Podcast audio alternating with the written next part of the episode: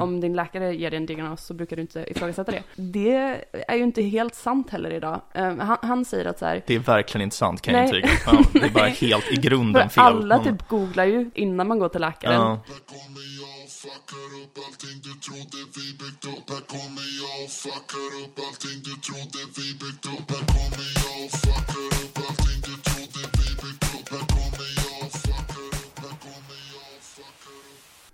Hej och välkomna till podcasten Om och Men där vi reder ut det ni tycker är krångligt och krånglar till det ni trodde redan var utrett med mig, Vincent Flink Amlenäs och med mig, Beatrice Erkers. Nu börjar ännu ett härligt litet poddeli-poddavsnitt här. Hoppas ni är taggade, våra kära lyssnare.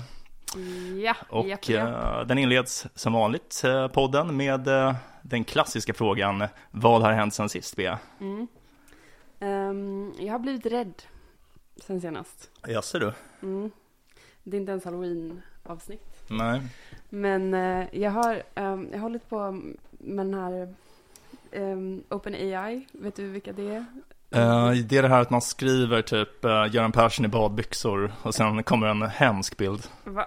är inte det som genererar AI-bilder? Uh, eller? nej, eller OpenAI är ett företag som um, ett, ett, liksom ett research lab för, som forskar på AI-grejer. Ah, okay. Och tar fram det, så de har tagit fram flera AI-program som har liksom väldigt framstående. De har bland annat Dali, som ja. är en sån grej där du kan skriva typ, lite som det du säger, ja. typ Göran Persson och badbyxor eller någonting. Ja. det är det, enda man kan göra med det programmet. det är bara Göran Persson i badbyxor.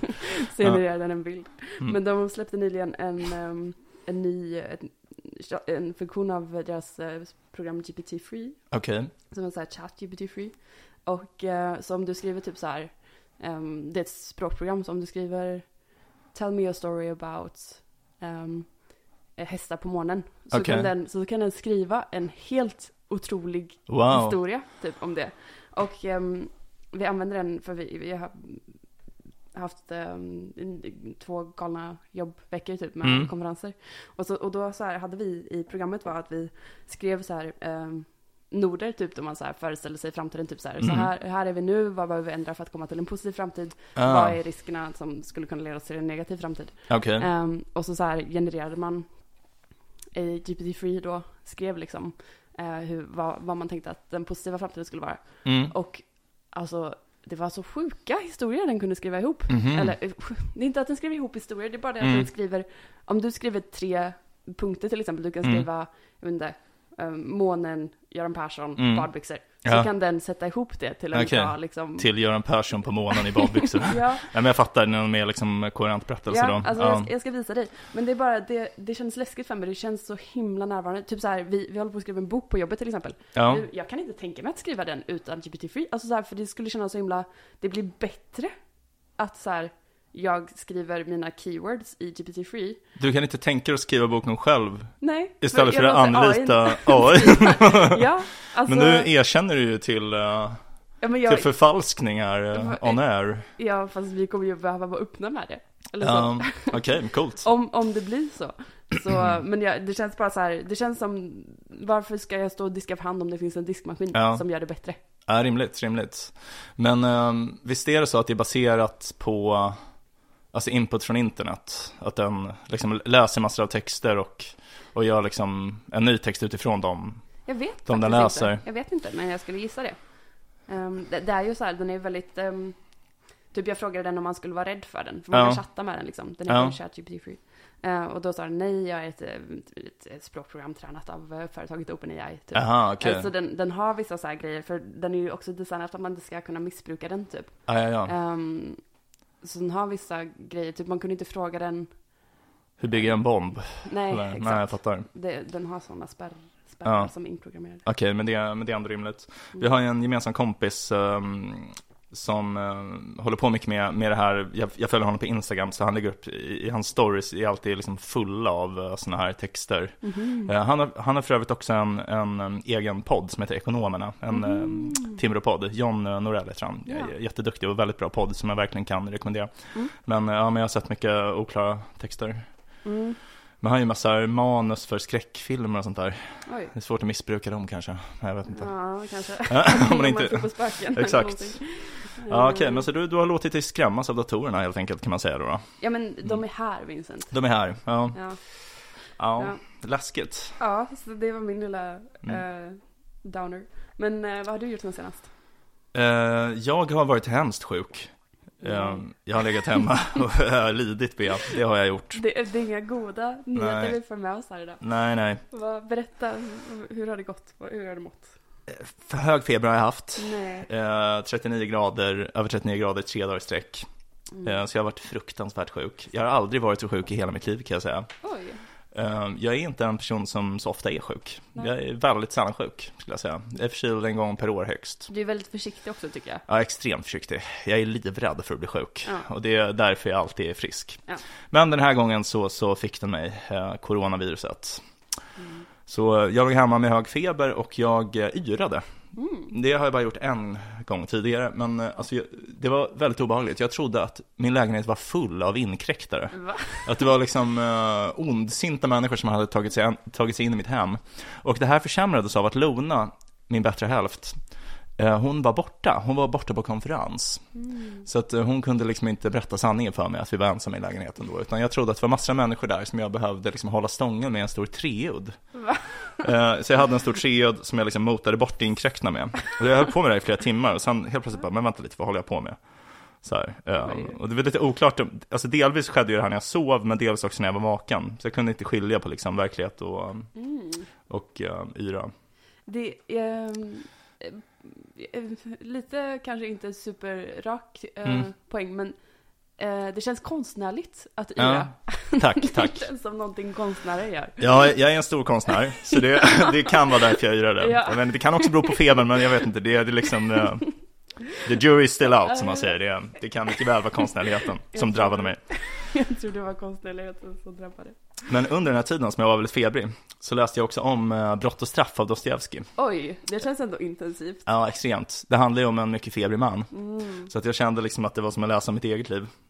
Utöver att jag inte mördade en pantlånerska, men men annars så- Det vet du inte än med den här treåringen. Precis. den kanske råkade skära sönder någon. Ja. Men eh, men jag läste den för att vi ska gå och se Brott och straff på Dramaten. ja, just det. Um, Askul ju. så nu, nu är jag mycket taggad. Ja. Ja, så det är väl det jag har gjort då. Ja. Lidit helt enkelt. Ja, nej, men, eh, vi har pikat helt enkelt båda två låter Ja. är- Skräck och lidande kan vi rapportera. Exakt, det har hänt sen senast. ja. Men ska vi slida över till dagens ämne kanske? Det tycker jag vi gör. Ja. Idag ska vi då diskutera eh, kritiskt tänkande. Mm. Kritiskt tänkande, som är så högt värdesatt i vår tid. Ja, Ja. Ehm, vi har haft lite läxa här, läst lite inför, eh, inför, inför podden. Ja. Vill du berätta? ja Ehm. absolut. Det var en ganska kort text, vilket jag var tacksam för. För Mm. det var du som skickade den till mig. Mm. Ehm, jag tror du generellt sett har bättre koll på dagens ämne än vad jag har. Ja, Men det var en av dina favoritfilosofer. det stämmer. jag. Som stämmer. vi, vi har läst en text av honom innan om abort väl? Just det, det har vi. Ja. Michael Humer. Ja. Ja, och han helt enkelt kritiserar kritiskt tänkande i Ja. texten. eh, Kan man väl säga. Precis, han har skrivit en artikel på hans Substack. Substack det är liksom en grej som är jättestor i USA. Eh, Det är liksom som att man får ett veckobrev av någon liksom, eh, ja men typ public intellectual eller typ ledarskribent eller whatever, vem som helst kan ju starta det. Mm. Så att det är som att man prenumererar på en persons åsikter typ. Och jag har bland annat då Michael Humer. Den enda i Sverige som jag vet har det. Jag är inte prenumerant själv, men den enda som jag känner till som har i Sverige är Ivar Arpi. Mm. Jag vet att han har ett Substack, Mm. men det känns väldigt litet här. Ja, Ja. nej men det är nog sant. Jag, Mm. det, som sagt, jag tycker det, det finns väldigt många bra att följa på Substack, men jag följer ingen svensk. Nej. Nej men nu, eh, nu, nu känner jag att vi måste ta en paus här, för jag känner att jag har suttit här och varit jävligt dum. Jaha, Så jag, jag måste ta till um, kemiska hjälpmedel. Okej. Eh, jag har fått en nikotinpåse här av Bea som heter Syn Lemon Spritz. Som vi är sponsrade av eller? Eh, inte än, men om ni hör det här Syn, så send some money our way. Ja. Eh, jag har nämligen lärt mig på läkarprogrammet att nikotin är en smart drug, typ den enda som det finns bevis för. Är det så? Så att man eh, får eh, förhöjt funktionellt IQ med typ 10% under ruset. Oj. Så att, ja, nu, nu får ni utvärdera själva om ni tycker att Gamle Vincent är lite smartare än vanligt. Och så kan ni, Mm. eh, kan ni cut me some slack eftersom jag kommer vara mycket mer dum Exakt. än Vincent. Du kommer framstå som så dum nu när jag har den här under läppen. Det roliga med det är ju dock att jag ser så oerhört dum ut när jag har snus. Jag, en gång så var det en kille som sa till mig när jag var ute, och så tog jag en prilla, jag gör det kanske en gång var tredje månad. Han gick fram till mig och bara, "Alltså, förlåt att jag säger det här, men alltså du ser verkligen ut som en hockeytränare. Och jag bara, "Ha, vem då? Typ ville googla. Han bara, nej nej, alltså ingen specifik. Du ser bara ut som alla hockeytränare. För jag stod, jag stod liksom så här, jag stod med armarna i kors och med liksom en väldigt utbuktande överläpp. Så jag såg ut som en så här generisk hockeytränare som är arg, skriker på sina spelare. Och liksom skuldbelägger dem för att han har tränat dem dåligt. Så det är jag, välkomna till min podd. Du såg väldigt mycket ut som en hockeytränare nu faktiskt. När, Ja. När du, Ja men sån är jag. Men, vi kanske ska presentera nu lite vad det är vi har ägnat oss åt här eh, som förberedelse. ja. Det är den här Substack-posten då, eh, från det ena till det andra. Eh, Och där går Michael Humer igenom det som han kallar för kritiskt tänkande. Och han definierar det som typ att eh, man försöker väga olika alltså, saker mot varandra och se vad som verkar mest troligt. Så det är en ganska bred definition. Mm. Och han menar typ att när man ska besluta om en viss fråga, alltså så här till exempel, om man ska ta som exempel då, eh, huruvida vaccinen fungerar eller inte mot corona. Man, han tar inte det exemplet, men, men jag tänker att vi kan göra det. Mm. Då har man då tre förhållningssätt att välja mellan. Det ena är kritiskt tänkande, att man utvärderar liksom evidensen för och evidensen emot och fattar ett eh, eget beslut. Eh, det andra alternativet det är att man säger bara, nej men jag vet inte om de funkar eller inte. Det är det han kallar för liksom suspension eh, of belief eller withholding judgment. Mm. Eh, och det tredje är då att lyssna på experterna. Mm. Eh, ja. Och eh, det han menar då är att man borde inte tänka kritiskt, eh, utan man borde lyssna på experterna. Mm. För att om man inte, alltså så här, den enda, un, de enda förutsättningarna under vilka man skulle ha skäl att tänka kritiskt, det är när man tror att ens eget omdöme är bättre än experterna, Mm. alltså i det ämnet som de är experter i. Mm. Um, och det är ju rimligt när man tänker på det. Ja, absolut.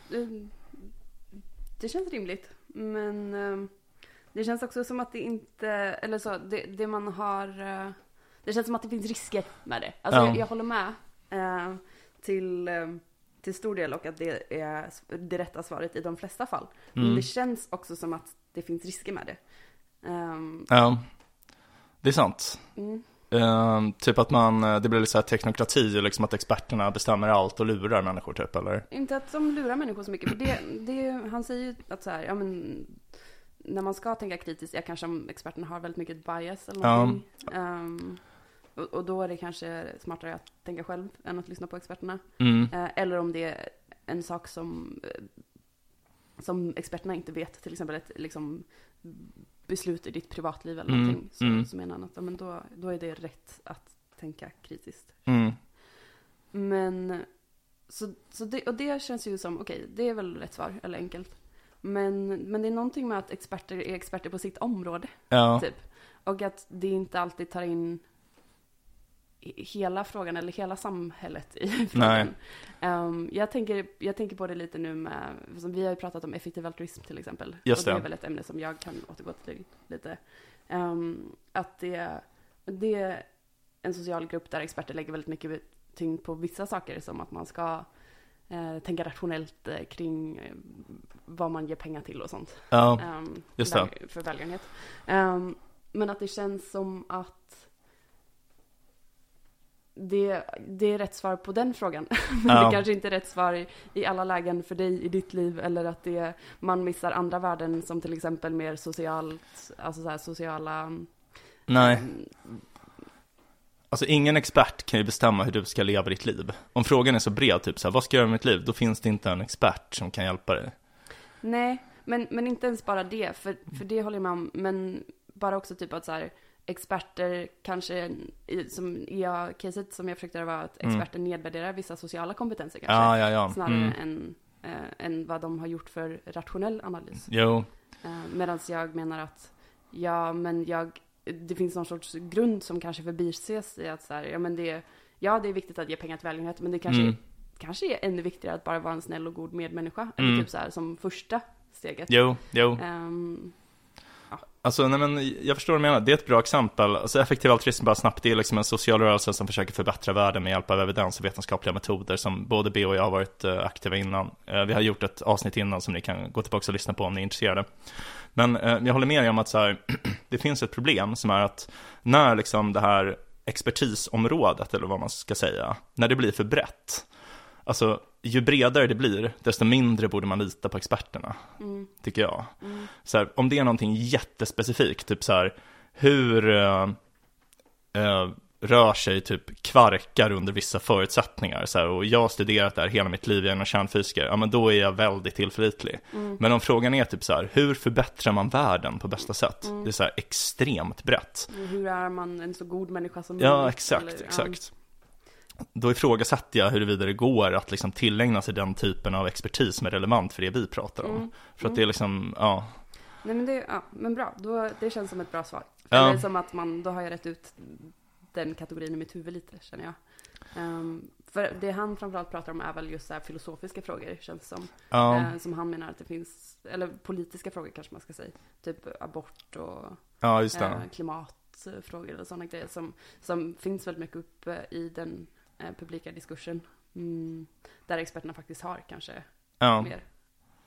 Ja, alltså, ja exakt. För att jag tror typ så här, det är svårt, alltså för även i frågan om typ hur eh, förbättrar man världen på bästa möjliga sätt. Jag tror ändå typ att någon som har hållit på med typ Global Priorities Research i typ hela sitt vuxna liv, om man tar typ Hillary Greaves, en filosof som vi båda tycker om, som nu jobbar i Sverige har jag fått reda på. Mm. Hon har flyttat till Sverige. Har hon gjort det? Jag visste att hon skulle göra det, men jag visste inte att hon hade gjort det. Men, hon var med på Filosofiska rummet senaste avsnittet och berättade att hon jobbar på uh, framtidsstudier. Ja, Institut uh, framtidsstudier. Ja, jag visste inte det. Vilken... De håller på att starta upp en ny tankesmedja. Jag tror Anders Sandberg är involverad lite sånt. Okej, ja, vilken heder för oss att hon mm. har kommit hit. Men eh, hon berättade också att hon har 18 barn eller något sånt där. Va? Jag vet inte, nej men sex barn kanske det var. Äh? Men extremt många barn i varje fall. En liten en bubblare ändå tycker jag. Det är ändå imponerande. Det brukar ju vara männen som har sådär många barn. Alltså såhär framgångsrika män. Ja. Än framgångsrika kvinnor. För, ja, då har hon hållit ja, igång ändå. Hon kanske har adopterat, vad vet jag. Men um, barn har hon i varje fall. Men, men i, i, vilket fall, jag, jag, tänker hon, hon har ju liksom arbetat större delen av sitt yrkesliv med att liksom försöka lösa frågor om hur ska vi prioritera för att förbättra världen, hur ska vi prioritera vår resursfördelning. Jag tror ändå så här, även om hon inte är expert på samma sätt som typ en, en ögonläkare är expert på ögon, så är hon ändå bättre på att avgöra de frågorna än bara vem som helst på stan. Mm. Eller, eller hur? Mm. Så att för vem som helst på stan är det ju ändå inte värt att tänka kritiskt i de frågorna. Det är ju ändå bättre att lyssna på Hillary Greaves, även om hon inte är så mycket bättre som en ögonläkare hade varit än vad han hade varit. Mm. Så... Men det är väl där, där, om man försöker gifta ihop typ det vi har pratat om till exempel i ett annat tidigare avsnitt när vi pratade om så här kulturell evolution. Det är någon sorts så här um, knyta ihop någon sorts social kunskap med den här sortens analytisk kunskap. Ja. Som jag vill. Ja, det vill du slå ett slag för. Ja. Nej, men jag, jag håller med dig. Det, nu slår vi slaget. Ja, ja det, där satt de. Ja, nej men jag håller helt med dig. Um, men jag, jag, tycker ändå att det är intressant, för att alltså, det här är ju någonting som, alltså det här med kritiskt tänkande, som vi var inne på innan, det har ju oerhört hög status, framförallt vårt skolsystem. Mm, verkligen. Um, och det här är ju någonting som är liksom lite en del av det här um, liksom komplexet som människor brukar referera till med ordet flumskolan. Mm. Eller hur? Mm. Att det är så här, man ska inte i, första hand lära sig fakta i skolan för att fakta förändras. Det är en, en liksom, tid av snabba förändringar. Det som behöver läras ut är kritiskt tänkande, att själv kunna navigera i ett stort liksom, kunskapsfält. Mm. Uh, och uh, det är ju liksom bullshit menar jag. Mm. Alltså det, man måste lära sig fakta, det blir jättekonstigt annars. Um, och jag, jag, jag tolkar lite um, Humans poäng här som att han håller med mig. Mm. Um, Men så mm. menar du att det alltid är rätt svar att lära sig fakta då? Eller vad, vad blir din analys av skolan? Men jag ser liksom så här förmågan till kritiskt tänkande, alltså den typen av kritiskt tänkande som är av godo, till exempel förmågan att avgöra vem är expert, vem är pålitlig. För det, det är den typen av kritiskt tänkande som jag tror är viktig. Mm. Den tror jag liksom springer lite ur att man har vissa faktakunskaper. Om man inte vet någonting, om fakta så blir det jättesvårt, typ så hur ska man avgöra vad man ska lyssna på? Man kan ju inte bara vara kritisk till allt man hör, då blir man ju liksom psykotisk. Men då är väl, eller så här, för, för jag tänker att um, vilka experter man litar på utgår ju oftast mer från den sociala gruppen. Ja, exakt. Från, um, än från liksom ens faktakunskaper. Ja, eller jag tänker typ att man ens första liksom instinkt är väl typ att man lyssnar på dem som ens föräldrar och ens vänner lyssnar på. Men typ om man lär sig mer om världen, lär sig mer fakta så kanske man börjar ifrågasätta de här auktoriteterna man har fått av sin uppväxt i sitt sociala sammanhang. Att det är lite det som han, alltså det är lite det det betyder typ att växa upp och bli en självständig individ. Att man börjar förstå så här, nej men okej, det är Fox News som mina föräldrar alltid hade på. De kanske inte hade rätt i allt. Typ. Men, men vad tror du risk, hur tror du risken är då om man lär ut felaktig fakta? För det känns ju som att det är ganska hög risk att man kommer göra då. Ja, ja det, är, det är ju väldigt dåligt. om man lurar och ljuger. För jag tänker att det Men- finns ju skolor som påstår sig lära ut fakta. Och att de är ju sådana som kanske inte du och jag håller med. Att Ja. Vi tycker inte att det är fakta. Men för de påstår att det är fakta. Ja. Eh, ja, nej, men det är ju det jag är emot. Ja. Eh, jag är emot uh, lögnerna. Ja. Men, Mm. men, men du menar liksom att då att eftersom den möjligheten finns så är det bättre liksom att inte ha tonvikt på fakta utan Jag tänker att det blir, att eh, skolsystemet då blir lite så här att man kanske inte optimerar för det eh, ultimata. Nej. För att det är för mycket risker. ehm, att, okej, det, det, det finns en, det, det finns ett ultimat skolsystem, sen Ja. finns det. Ja, Men det är så extremt svårt att få till och att vi i de flesta fall kommer misslyckas. ja, Och då är det bättre att ha ett lite, lite lägre fungerande skolsystem. Men att det blir, ehm, när det blir dåligt så blir det inte så dåligt. Ja, som ja, det okej, bli okej. om vi ut. Jag, jag tänker lite på det som så här armén. ja, typ att, ehm, att ehm, om man ser till liksom hur armén har fungerat eh, historiskt så är det, det är viktigare att eh, den svagaste länken inte bryter ja, Typ. än att, att vi har några superstarka ja, i, i armén. ja. Um, Okej, men- ja men jag, jag, jag tror jag förstår vad du menar. Jag, jag, har inte, Ja. jag har inte tänkt riktigt på det innan, men du menar typ att om vi har ett sånt här skolsystem som har mindre fokus på fakta så blir det svårare för, säg att typ fascisterna tar makten. Ja, Det blir svårare för dem att bara förändra alla men- fakta till typ att fascisterna har rätt. ja, Eller, ja. det är så jag tänker. Ja. Jag vet inte om jag håller med mig själv i det här, men det är så jag tänker. Att Ja. det, Intressant, jag har aldrig tänkt på det. Men eh, det, det kan kanske ha en, eh, en, en liksom lite skyddsfunktion på det sättet. ja, Eh, Så. Men, men, men jag tycker ändå typ att kritiskt tänkande har liksom om, om det nu är så kanske att vi måste ha det så ändå, då, men, jag- men jag tror åtminstone inte att det är det bästa sättet att typ få människor att bli så här självständiga och i större utsträckning komma till sanna åsikter om världen. Det, det, det tror jag inte. Jag tror Nej. att, Nej men, ehm, jag vill ju också säga att jag, jag, jag vill ju att vi ska sträva efter någonting bättre än liksom så här, eh, det jag pitchade nu. Ja. Jag, och jag tror ju att det är en sån värld vi går åt mer och mer. mm, Att man försöker optimera mer och mer. Typ som jag tänker på armén nu, alltså det är inte samma, det är inte samma eh, sak idag att, eh, att ha, en- vara en militär makt som det var förr. Innan, förr kanske det var så här, du ska ha mankraft och Ja. ehm, vara många liksom. ja, just det, just det. Men nu så är det nog, nu tror jag det är smartast vinner. Lite. Ja, lite. Ehm, för att det är så här, vilken teknologi utvecklar du? Ja, Ehm, och hur, sant. Ja, det, Vad är jag, strategi? jag såg CNN gjorde en dokumentär för typ, det är länge sedan nu, jag tror nästan tio år sedan, men som hette Revenge of the Nerds, mm, som handlade om drönarkrigföring. mm, Det- Och då var det typ så här före detta liksom gamers som Mm. satt liksom i en källare och styrde drönare, alltså Mm. i USA, men drönare var i Irak. mm, Eh, och eh, ja, mm. det var en uh, jävligt äcklig dokumentär. Alltså så jävla motbjudande grej tycker jag med drönarkrigföring. Mm. Men det är ju lite så. Ja men precis, det, Mm. det är det jag menar. Att det är, det är mer eh, strategi och teknologi nu snarare än, En råstyrka liksom. ja precis. Ja, nej men, eh, nej, men det, det, det, det är absolut sant. Vi fortsätter på det mörka spåret. Ja. ja. Men, men, men jag, jag, jag tänkte bara så här, för typ när, när vi snackade om att vi skulle ha det här ämnet så tänkte jag mycket på just den här rollen i skolan då som sagt. Och för att jag är lite ett exempel på hur dåligt det är med att ha det här fokuset i skolan. På kritiskt tänkande. Ehm, ja, Ja. exakt. För att jag är så här typ, ehm, jag, jag tycker mycket om att bara sitta och snacka, liksom bara snacka på typ. Och eh, jag har alltid gillat det. Så typ när jag gick i högstadiet och typ i, på gymnasiet, då kunde jag ju liksom ingenting.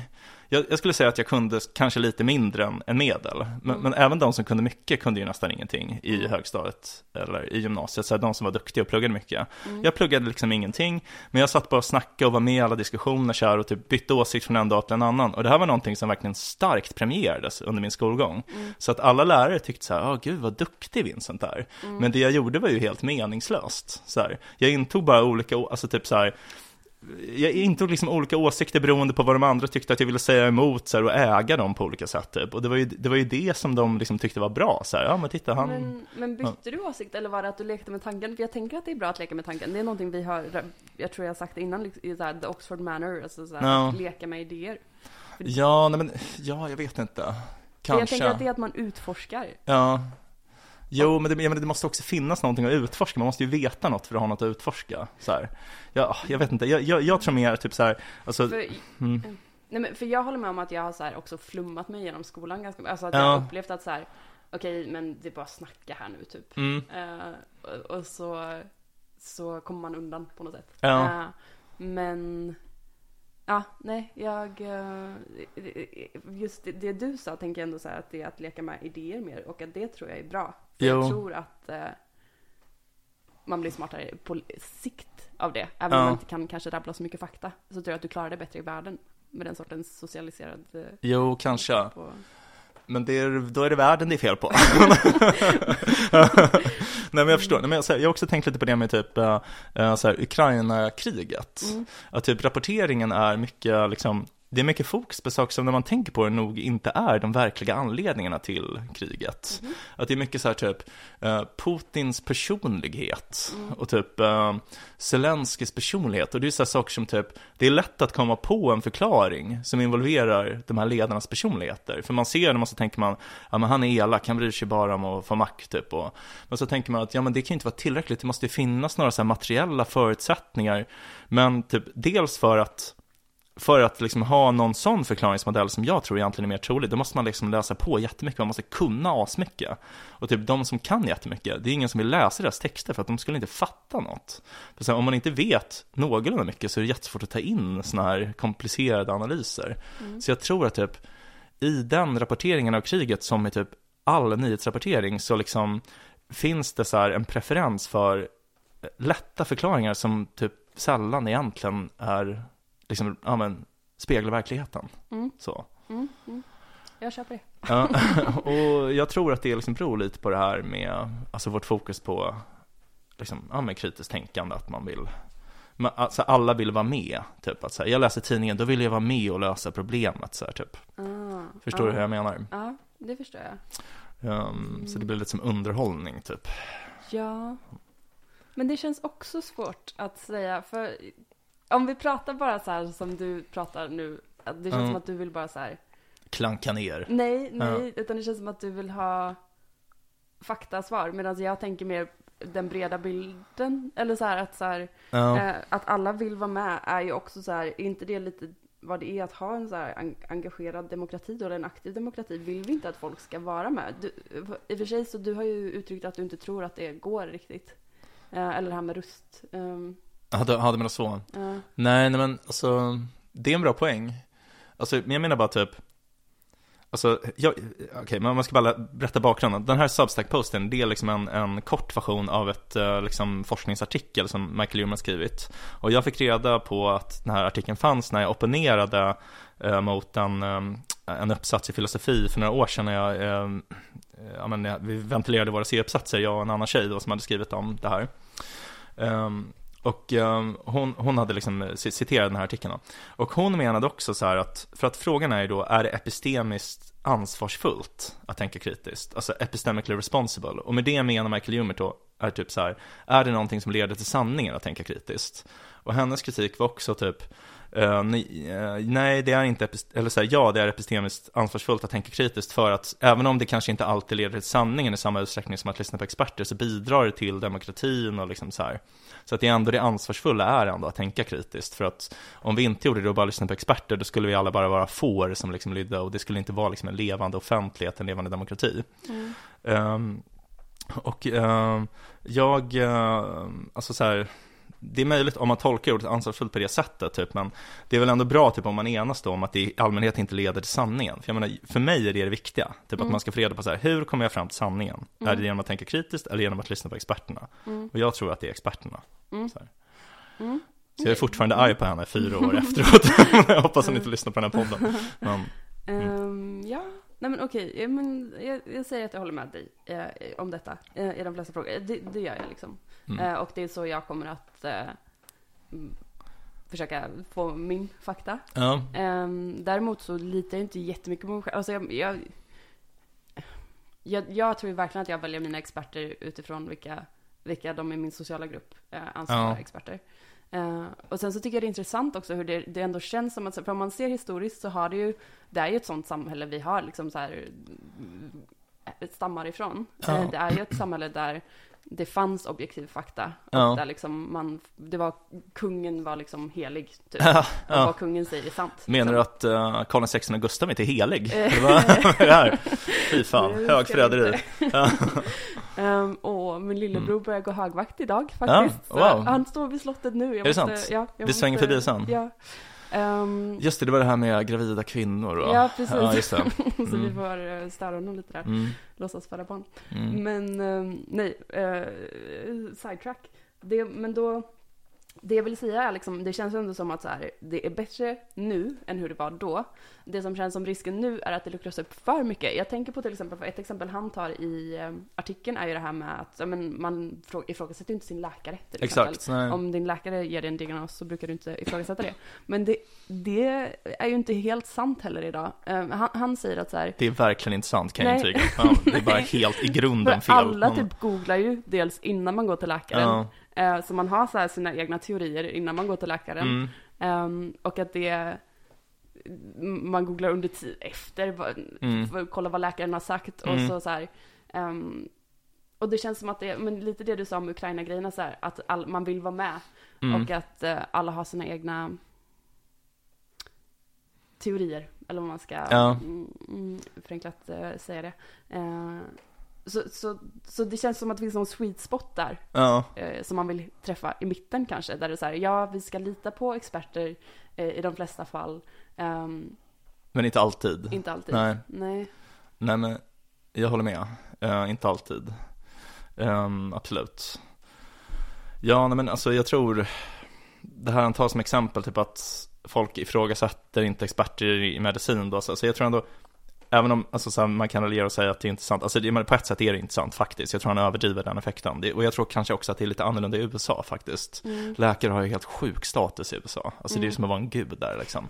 Men, ehm, men, men jag tror ändå typ att det ligger lite i det som vi pratade om innan, att typ medicin är liksom ett väldigt tekniskt fält som inte har jättemycket sociala implikationer på typ så här, om någon har typ tarmvred eller blindtarmsinflammation, det har inte jättemycket sociala implikationer liksom. Mm. Men, men han säger då typ så här, det är konstigt att lyssna på läkare men inte på typ statsvetare eller nationalekonomer. Men jag, men jag tycker typ inte att det är så konstigt liksom. För att nationalekonomer, de har ett mycket större scope. Mm. Så här, det är inte lika tekniskt och liksom specialiserat. Jag tror det beror på det liksom. Mm. Um, Ja, ehm, det, det var också lite, jag blev också lite så här förvirrad av att han sa att han trodde att eh, kanske, folk kanske litar på läkare mer för att de tror att eh, medicin är svårt, men Ja. politik och filosofi är enkelt. Men det, det känner jag ju tvärtom. Eller så här, det är Ja. för att man tycker att det är så fruktansvärt svårt med filosofi och politik. Ja, precis och att, ja, eller alltså det är åtminstone den bra anledningen. Ja, Ehm, Det är sant, det är sant. Alltså för, för man, Mm. det finns ju, man tänker ju liksom att, ja men är det här verkligen, är det en strawman? Och så, och så tänker man bara för de man själv umgås med, men vi umgås ju också med smarta personer, men det finns ju fruktansvärt dumma människor där ute alltså. Så att jag tror ändå att det kan vara så att han ändå har en poäng. ja jo men det kan vara sant. Ja. Alltså det är, det är skrämmande hur dumma vissa människor är alltså. Men, men, Vill du nämna namn? eh, alltså jag vill, men eh, jag, jag ska nog kanske avstå. Ja. Um, ja, nej men eh, alltså, jag, jag tyckte den här var väldigt bra, um, artikeln ändå. Alltså, även om man kanske inte håller med om allt och liksom, den är väldigt kort och går inte igenom allt. Så Mm. jag tycker så här, han är väldigt bra på att liksom mm, formulera problem så att det blir bara så här, ja men det är ju självklart att det här jag trodde var så bra var dåligt typ. Mm, mm, Alltså, ja. mm, Att Det är ganska underhållande att läsa också tycker jag. mm. Ja, verkligen. Det är väldigt äh, lättläst och väldigt... ähm, som sagt, it, it gets the point across liksom. Mm. Ehm, men, men det jag ofta känner med sådana artiklar som är bra debattartiklar, vad man ska säga, ja. är ju att man känner att okej, vad ska jag göra med det här? För nu behöver jag hitta någon sorts, eh, lite som jag sa, någon sweet spot. Eller jag, jag skulle vilja ha en Mm. tumregel typ. När Ja. ska jag lita på experter och inte? För Verkligen. jag håller ju inte med om att jag alltid ska lita på experter. Nej, nej. Eh, och jag vet inte riktigt vad den tumregeln är. Nej men alltså jag tycker ändå det var bra det han sa, som du tog upp precis, att om de är biased liksom, Mm. att då har man skäl att tänka kritiskt. Och alltså typ, han sa något om att människor tror att folk är biased mycket oftare än vad de i själva verket är. Och det Mm. tror jag också är sant. För jag menar, det Mm. blir som ett argument. Så om någon ifrågasätter din världsbild kan man bara säga du är biased, Mm, typ. Verkligen. Och det var ju också bra det han sa, eller det tycker jag är en bra poäng, att så här, man brukar ofta ta det som ett så här, till varför man inte ska lita på experter, att de är Mm. biased, men vanliga människor är ju också biased liksom. Det är Ja. inte som att vi är mindre biased. Nej, exakt. Ehm, exakt, alltså jag är vänner som är väldigt emot vaccin, jag tror jag har sagt det till dig innan, alltså som är typ antroposofer och, och så här. Eh, och de, när jag liksom har argumenterat för covid-vaccinen så har de sagt typ att det är liksom att jag är på något sätt påverkad av Big Pharma för att de har så här Mm. sina händer in i liksom läkarutbildningen och sjukvården typ. Mm. Eh, och det är, det är inte sant. Så här, alltså Big Pharma bekostar ingenting. Ja, Mm. så här, det är, lä- alltså läkemedelsföretagen bekostar inte läkarutbildningen överhuvudtaget, så det är bara fel liksom. Mm. Ehm, men, men det är ju ändå många som tror det, typ att alla läkare är köpta av läkemedelsindustrin. Mm. Ehm, så det är ju ett, ett sånt exempel. Mm. Men vissa, alltså typ, jag har tänkt på en grej, alltså mm, det är många typ i vår ålder, vår situation i Stockholm som pratar mycket om så här lägenhetsaffärer, typ, Mm. eller hur? Mm. Alltså här, man ska ta ett lån, man ska köpa en bostadsrätt, jada jada. Mm. Och när man läser dagstidningarna, typ näringslivsdelarna, så är det ofta så här, en fråga bara, då ska du köpa, är typ rubriken. Då ska du köpa, eller så. Mm. Eh, Och sen har de frågat någon expert som är typ så här, jag är låneekonom på SCB, typ. Mm. Så de är anställda av långivarna. Mm. Och de säger alltså så här, ja nu måste du ta lån, nu måste du, det finns ingen bättre tid än att ta lån nu, för att sen kommer det vara alldeles för sent. Så, men de är ju sjukt bias, det är klart att de alltid rekommenderar sin Mm. egen produkt. Mm. Men de flyger så jävla mycket under radarn, de här uh, lånekonomerna. Mm. Det stör mig. Ja, men det fick mig att tänka på, det, det visste jag inte själv. Um, men det fick mig att tänka på en annan grej som känns som ett bra beskrivande exempel på det här när, ja det finns expertsvar och det finns rätt svar för dig, typ. Ja, Och där är det är ju typ eh, investeringar och sånt. Till exempel eh, expertsvaret till så här, vad är den bästa investeringen man kan göra? ja, Är ju kanske, mm, det kanske kräver väldigt mycket jobb liksom. Det kanske kräver att du ska liksom, eh, du måste ha koll på dina investeringar så att du säljer vid rätt tillfälle. Du måste Ja, följa ja. med i liksom vad som händer på marknaden. Du måste liksom hålla dig uppdaterad hela tiden. Medan så här, vad är rätt investering för mig är ju mer så här, ja men jag använder mig av en fondrobot till exempel. Alltså så här, för Ah. att jag, jag vet att jag inte har koll, och så jag kommer inte sälja innan det har kraschat typ. ja men rimligt. Ehm, Rimligt. Det är ett bra exempel. ja, Men du, kan du sånt här med sparande? Alltså, vet du liksom något? Jag, jag kan alltså absolut ingenting om det. allt jag kan har jag lärt mig av min pojkvän. Ja, okej, men jag kan tänka mig att han är duktig. han, han, han känns väldigt bra på sånt faktiskt. Han kan få ge dig en Mm. kurs också. Ja, det skulle jag inte tacka nej till kan jag säga. Mm. Det är rött på Avanza för mig. Det har det har det varit i många år kan jag säga. Mm. Det, det går inget bra för, för gamle Vincent. det, det är ganska, nu är det ju rött för ganska många skulle jag säga. Ja, varför är det rött? Det är väldigt rött nu skulle jag säga. det är liksom, Men det är, det är, väl här tusen lappar som bara bränns upp framför mina ögon. Och det är mina Det är väl- lappar. Inflation och kryptokrasch och allt. Det är, det är därför det är rött på mitt konto i alla fall. Men det är just, just i morse tror jag. Jaha. Ja, jag vet inte. Ja. Jag, jag kollar alldeles för ofta för att, att spara ifrån. okej. Jag kollar ibland två gånger om dagen. Det är fel att bara kolla Nej. på innehaven, eh, tänker jag. Utan det Ja. är mer att du behöver kolla typ, i Dagens Industri. Den här tidningen? Ja. Nej, den, den, det, orkar det orkar jag inte göra. det, det, Mm. det, har- det har vi inte tid med. Nej. Men eh, ja, nej men det, det där borde man veta, veta egentligen. Alltså, det blir också löjligt typ, om jag ska hålla på och läsa på jättemycket om sparande. Det, det, är liksom, det är inte mycket pengar jag har sparat. Det blir jättekonstigt liksom. Man, Fast, men det är ändå så här, man blir ändå motiverad att spara mer när man ser att man har någonting att spara. Alltså så här, Ja. att det är någonting sånt. Men, men jag tycker att du ska försöka investera i, alltså om Ja. du investerar i sånt som du, eh, nu blir det, det här, this is not financial advice för någon förutom Vincent då. ja, Eh, men typ skaffa, alltså så här, jag tycker om fond, en fondrobot. Eh, en fondrobot som Lisa till exempel. alltså, jag vet att det här inte är så, vill jag bara säga. Men det jag föreställer mig när du säger det, är att det är en fysisk robot som sparar åt dig och knappar in på Ja. din Macbook. Det är väl jättegulligt? Men, men, eh, men berätta nu vad det egentligen är. Nej men det är bara att, eh, att, det, är, att det är en eh, automatisk, eh, det är väl algoritmer Ja, som okej. eh, sköter din handel. Okej. Eh, också, och då kan du välja liksom, ehm, till exempel att du vill spara saker på lång sikt, till exempel liksom pensionsspar. Då Ja. kan det ha ganska hög risk på dem eftersom det ändå tenderar att så här, gå uppåt över tid. Ja, ja, ja. Medan om du vill ha någonting om, om du vill ha pengar för att, att köpa lägenhet om ett år så ska du nog inte lägga in det på någon marknad överhuvudtaget. Ja, nej. Eh, mö- möjligtvis spara, alltså då ska du spara det på ett konto som, eh, ehm, Mm. som du får, eh, ränta. Ja, avkastning eller, ja, ja. alltså mitt mål med mitt sparande, eh, det är att bli lika rik som de i Succession. Okej. Eh, jag håller på att kolla på Succession nu, så jävla bra serie alltså, jag har så jävla mycket Alltså jag får sån energi att kolla på den, den är så jävla bra och jag känner att jag ska bli precis som dem. Jag ska bli som Okej. Kendall. Men då känns det som att, ehm, då räcker det ju inte att spara. Då känns det som att vi måste starta någon sorts business va? Nej men jag kan inte sånt. Mm. Eh, jag litar på roboten.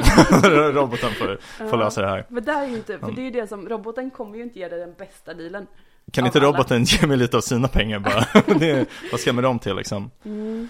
Nej men okej, man kanske måste starta en business. Men roboten kommer ge dig den bästa dealen för minst effort. Ja men det är bra, det är bra. Alltså jag hade ju en idé ett tag om att starta ett företag tillsammans med vår gemensamma kompis Nicolina.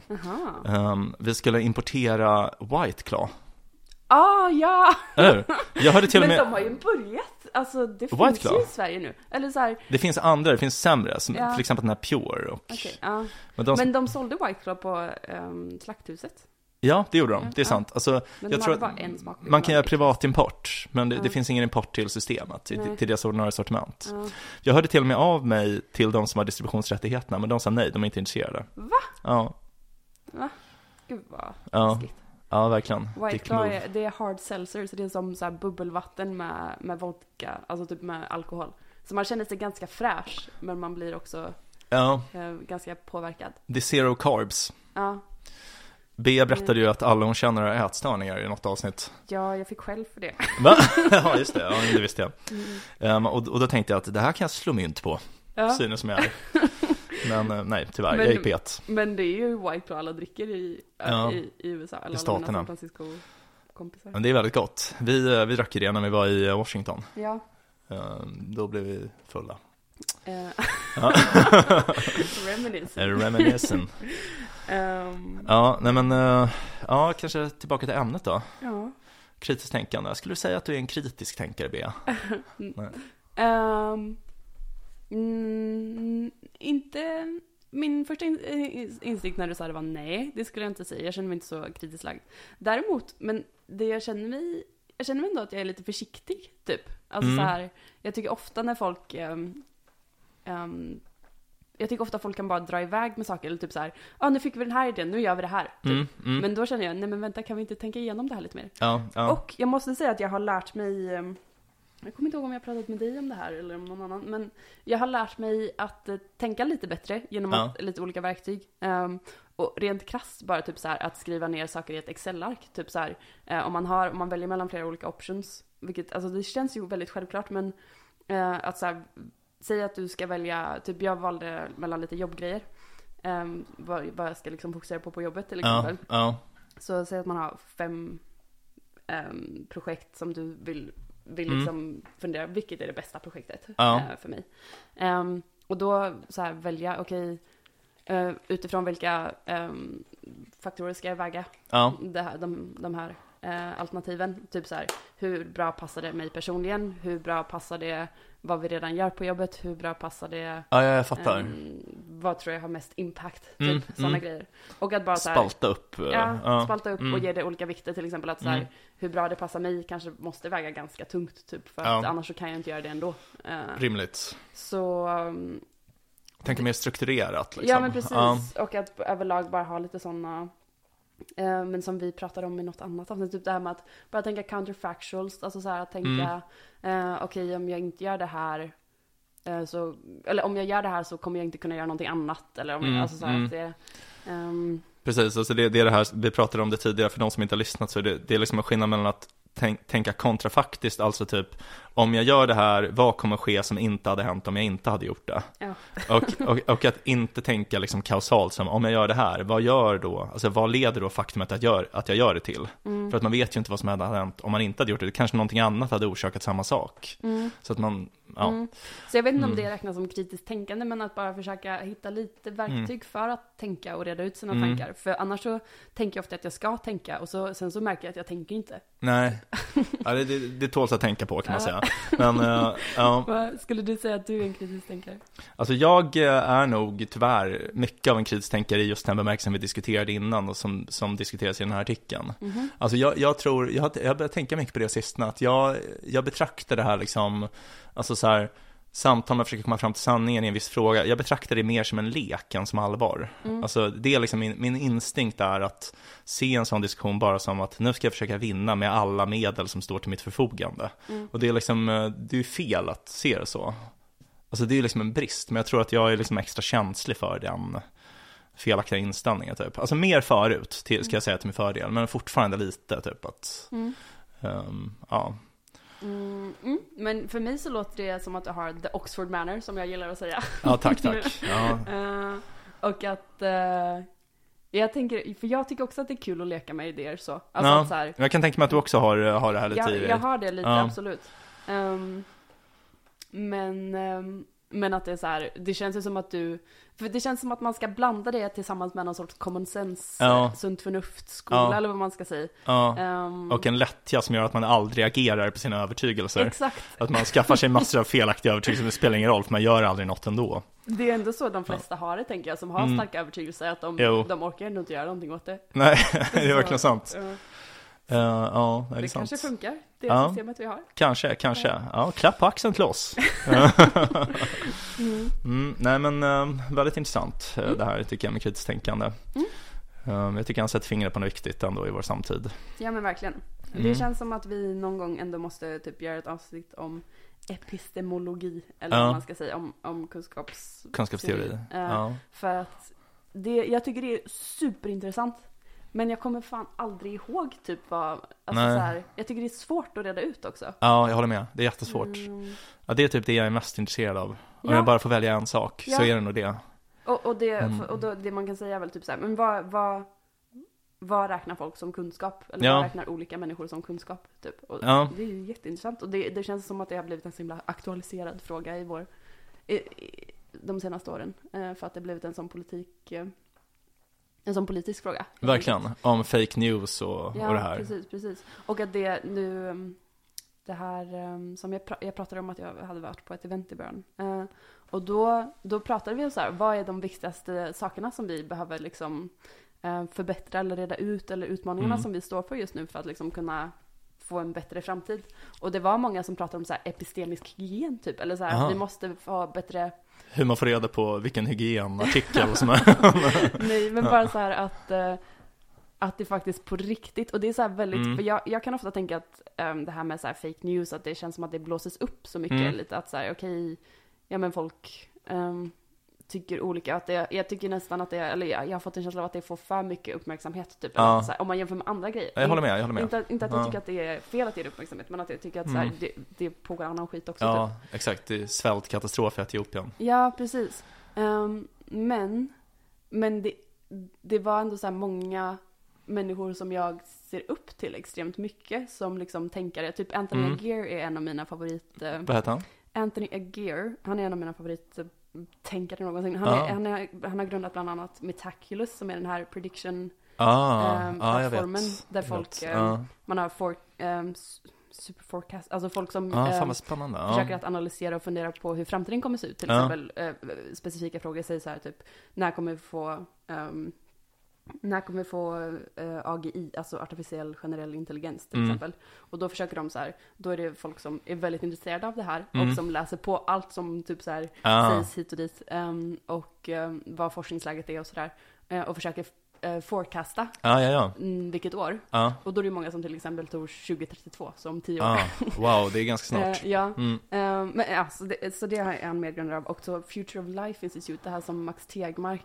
Ja, eh, just det. och ja. Max. Tegmark, det är han amerikansk-svenska Fysiker. fysikern. Precis, så Anthony Aguirre är också fysiker. Okej. Ehm, men han till exempel, han, är- han är verkligen så här en eh, non-profit entreprenör och har skapat, han har också skapat en som heter Foundational Questions Research Mm. Institute som är så här, Mm. eh, att de ehm, ja, men under, undersöker frågor som är inom fysiken, foundational questions, så typ så här inflationsteori eller grejer som Ah. det finns det multiversum. Ja, det låter Ehm, svårt.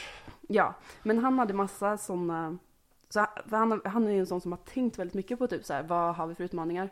Och de har startat något på, alltså ur Future of Life Institute så har det spunnit ut någonting som heter typ ehm, The Real News eller någonting. Mhm. Alltså som är det här som man känner igen Ja, Misstänkt namn ändå. det låter som att det Mm. inte, det är, folk som, det är som folk som döper sin självbiografi till min sanning och sådär. Då Mm. vet, det, då vet man att det bara är, är lögn rakt igenom. Ja, men, men det Mm. som, eh, det som jag skulle säga då är att um, um, man känner igen den sortens initiativ. Det känns som att det har kommit många sådana initiativ de senaste åren med att um, det är man ska vara nyhetskällan som uh, typ är objektiv. Ja, exakt. Som viralgranskaren. Precis, och, ja, precis. Verkligen. Typ vad vi vet är väl en sån i Sverige. Ja. Um, eller att det finns olika faktagranskningsorganisationer och sånt som, som mm. ska liksom komma in och vara den objektiva bedömaren. Ja. Uh, och, um, men att han, eh, som ändå är en person som jag tror på riktigt tänker på, mm. har tänkt igenom det här, uh, ser epistem, liksom den epistemologiska utmaningen som vi står för som uh, en av våra största utmaningar. Det fick ja. mig så här ändå att så här, han är ändå en sån som tänker på existentiell risk verkligen. Ja, väldigt mycket som liksom så här, väldigt eh, krassa eh, fysiska utmaningar ja, som ja. står för, eller vad man ska säga. Medan eh, en, en sak som liksom vår epistemologiska, ep, jag, kan, jag kan inte säga ordet, epistemologiska värdegrund, eller vad man ska säga, hur, vi, hur vi använder oss av den. Eh, det, det är någonting som man lätt kan förbise eller så, för att det inte är ett lika um, fysiskt um, Nej, jag förstår. Det är lite mer fluff än ja, precis, liksom, precis. en, en miljökatastrof. Och, mycket ja. starkare fluffkänsla. Ja, um, big fluff. Men att jag... Um, men att så här, ja, det, det är väl sant. Att, ja det är ju jättejobbigt om vi inte kan komma överens om vad vi vill. Eh, det ökar ju risken för allting annat kan man säga. Ja men precis, att vi, just det mm. också att man lägger så mycket resurser på att bråka ja. om det. Ja. Typ, istället för att fokusera på saker som riktig existentiell risk då, ja. som liksom så här, okej okay, men och, och att det också faktiskt leder till, vi skapar existentiella risker utifrån mm. det som kärnkraftskrig, jo. eller jo. Kärn, kärnvapenkrig. Um, Ja, nej, så, så det känns som att vi behöver reda ut det här Vincent. Ja, jag håller med. Nej, men då, då, då reder vi ut det. Men vi, vi skjuter på det. Vi, tar vi någon, på det. Vi, men någon, någon gång ska vi minsann reda ut det. Gärna någon gång när inte jag är jetlaggad. Och ja. jag vill också snusa ja. under det avsnittet. Ja, nu har jag, jag har tagit ut nikotinet här. Det är därför jag inte har några bra spaningar längre. men, um... ja, men vi kanske bara wrap, wrap this up nu då. Eller? Uh, ja, för all del. Varför inte? uh, nej, ja, ja, när allt kommer kring så har jag kanske inte så mycket att tillägga. Uh, ska vi kalla det ett avsnitt, Bea? Absolut, ja. om, om, du är nöjd. Jag är mycket ja, nöjd. Bra, bra. Jag är mycket, mycket nöjd.